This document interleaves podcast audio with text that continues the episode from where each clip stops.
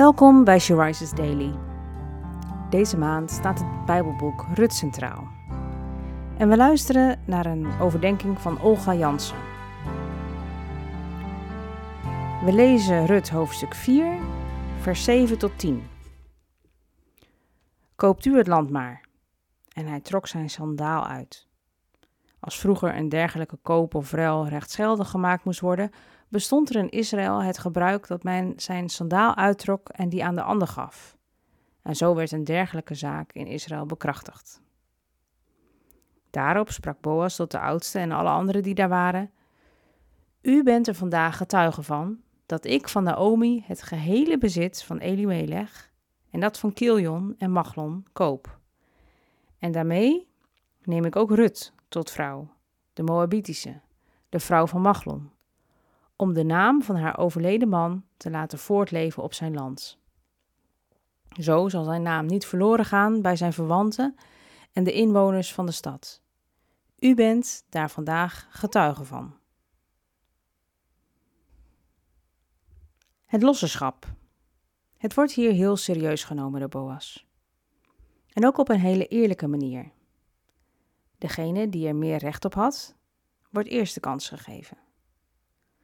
Boas betekent sterke man. En dat was hij.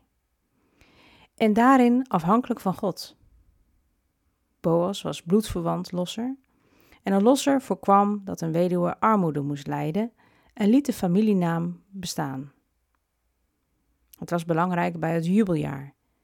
Elke 50 jaar werd alle bezit teruggegeven aan de oorspronkelijke eigenaars van het vorige jubeljaar. En hiervoor moest een mannelijk lid de familie vertegenwoordigen. Rut had geen man of zonen, en dus moest een familielid met haar trouwen om het familiebezit weer in handen te krijgen bij het volgende jubeljaar.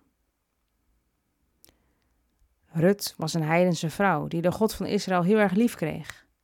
En zij staat symbool voor iedereen die door geloof in Jezus toegevoegd wordt en daardoor broers en zussen van Jezus worden. De kerk, de gelovigen. Als zij daarvoor symbool staat, staat Boas symbool voor Jezus, de bloedverwant verlosser. Wij de bruid, hij de bruidegom, eindigend in het grote bruiloftsmaal. Wat een voorbeeld gaf Boas. En wat een mooi beeld van wie Christus voor ons is. We mogen dankbaar zijn dat we toegevoegd zijn en dat Jezus onze losser is. En wij mogen weten dat Hij ons ophaalt om het bruiloftsmaal te vieren. Dank God dat Jezus onze verlosser is.